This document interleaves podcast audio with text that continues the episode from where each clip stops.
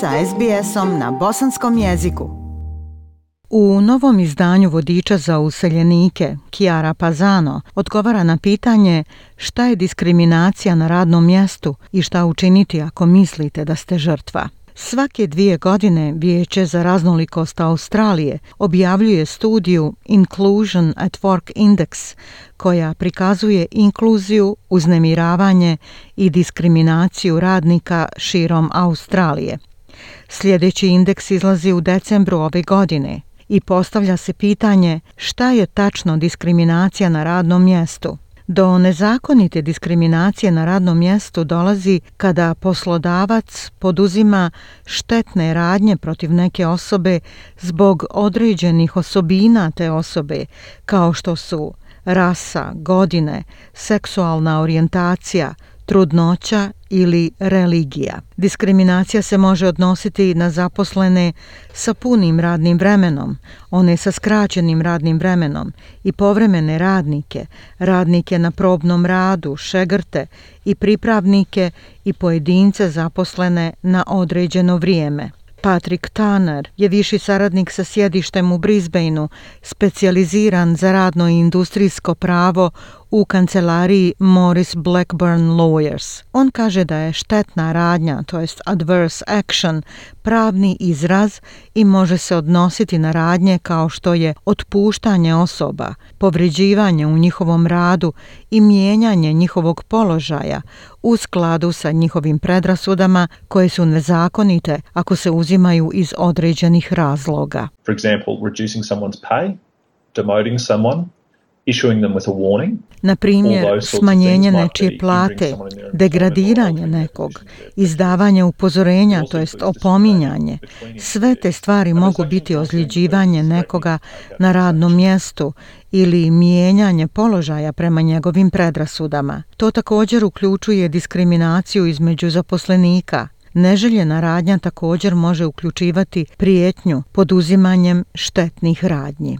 Megan Papa je viši pravnik u kancelariji Anderson Gray Lawyers sa sjedištem u Sidneju. Ona kaže da u Australiji postoje federalni, državni i teritorijalni zakoni koji štite ljude od diskriminacije i uznemiravanja unlawful discrimination in the workplace is when a person treats an employee less favorably than Nezakonita diskriminacija na radnom mjestu je kada se osoba odnosi prema zaposlenom manje povoljno od ostalih zaposlenika jer ima određene karakteristike kao što su spol, rasa, invaliditet ili ima određenu dob. Gospođa Papa kaže da se okolnosti svake osobe moraju sagledati od slučaja do slučaja kako bi se utvrdilo da li je diskriminacija zakonita ili nezakonita. An example of a discrimination where a person requires an employee to comply with a requirement or condition. Primjer diskriminacije je kada osoba zahtjeva od zaposlenog da se pridržava zahtjeva ili uvjeta koje ne može ispuniti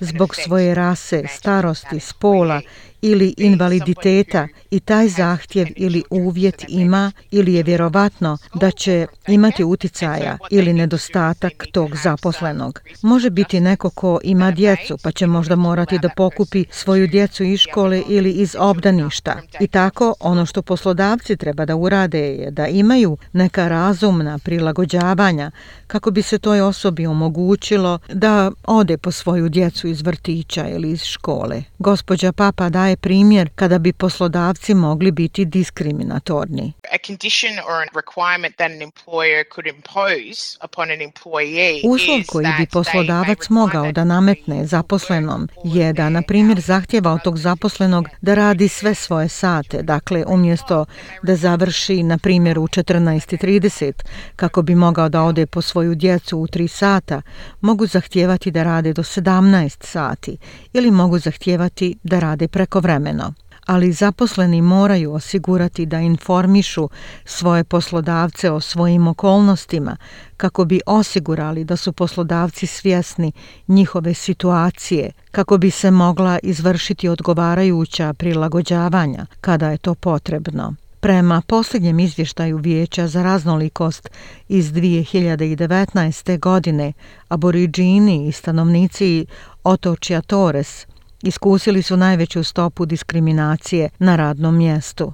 Radnici u različitim industrijama također imaju različita iskustva. Zaposleni u industriji financija i usluga prijavili su veću raznolikost i uključenost, dok su radnici u prerađivačkoj industriji prijavili najniže nivoe podrške. Prema zakonu o fair odnosima u radu, ako poslodavac ne diskriminiše zaposlene zbog njihove posebne osobine, onda se to neće nužno smatrati štetnom radnjom. Upravljanje učinkom, na primjer, drugo je pitanje, kaže Liza Anes, izvršna direktorica Vijeća za raznolikost u Australiji. It is not discrimination to performance manage an individual with unsatisfactory performance. Nije diskriminacija upravljati osobama koje imaju nezadovoljavajući učinak. Ne bi trebalo biti zabrinutosti zbog poslodavca pod uslovom da nije performans upravljanja nekima jednostavno zato što su različiti i da je njihova nesposobnost da efikasno rade svoj posao zbog njihove različitosti. Gospodin Turner kaže da je diskriminacija često subtilna, ali postoje slučajevi koji neće predstavljati diskriminaciju. If you turned up at work drunk and your employer had a policy saying you need to be sober, Ako ste se pojavili na poslu pijani, a vaš poslodavac je imao pravilo koje kaže morate biti trijezni kada ste na poslu i dobijete upozorenje, tada pod uslovom da se prema vama dosljedno postupa, kao i sa drugim zaposlenima. Onda samo zato što ste možda drugačije grasnog porijekla ili možda imate invaliditet, onda to vjerovatno neće biti nezakonita diskriminacija. Osim ako ne možete da pružite neke dokaze koji sugerišu da se prema vama postupa drugačije nego prema drugim ljudima u takvim okolnostima. Ali šta učiniti ako mislite da ste zaista bili objekt diskriminacije? Gospodja Papa kaže da je važno prvo iznijeti svoj utisak direktno poslodavcu, a ako to ne uspije, onda potražiti savjet stručnjaka – most employers have complaints or grievance processes in place so they should definitely report Većina poslodavaca ima pritužbe ili žalbene procese tako da bi svakako trebali prijaviti problem prvoj instanci to jest svom poslodavcu kako bi pokušali riješiti stvari Ako se problem ne može riješiti na radnom mjestu, onda bih ja vjerovatno preporučila ljudima da potraže savjet ili od advokata za zapošljavanje, advokata za borbu protiv diskriminacije ili alternativno, ako su članovi sindikata, mogu razgovarati sa sindikatom i dobiti savjet u vezi s tim. Gospodin Tanner kaže da je važno da ljudi budu svjesni jakih zakona u Australiji koji zabranjuju diskriminaciju. On ističe neke od različitih ishoda koji mogu proizaći iz zahtjeva za diskriminaciju. In some cases you might be reinstated, so put back in the job that you're performing.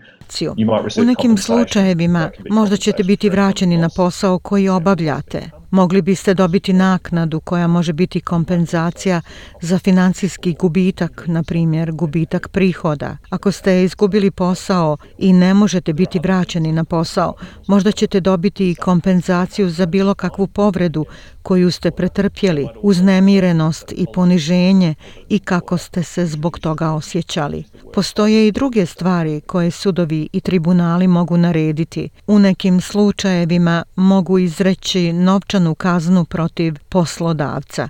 Također mogu narediti da se poslodavac izvini ili mogu naložiti da poslodavac uvede obuku na radnom mjestu kako bi se osiguralo da se to više ne ponovi. Lisa Anis iz Vijeća za raznolikost kaže da je radno mjesto inkluzivno kada se ljudi poštuju i kada se stvaraju humani odnosi među ljudima. Inclusion is about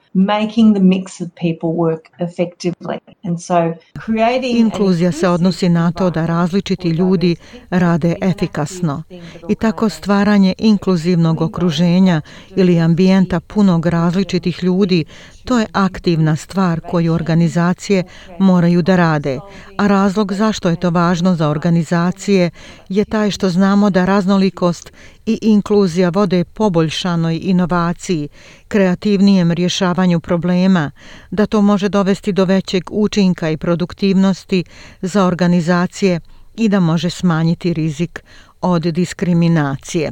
Za dodatne informacije ili pomoć posjetite Ombudsmana za fair odnose na poslu na internetskoj stranici fairwork.gov.au ili kontaktirajte Fairwork Infoline na broj telefona 131394. Ako vam je potrebna jezička pomoć, nazovite službu za prevođenje i tumačenje na broj telefona 131450. Ja sam Aisha Hadži Ahmetović. Ostanite uz program program SBS radija na bosanskom jeziku. Like, share, comment. Pratite SBS Bosnian na Facebooku.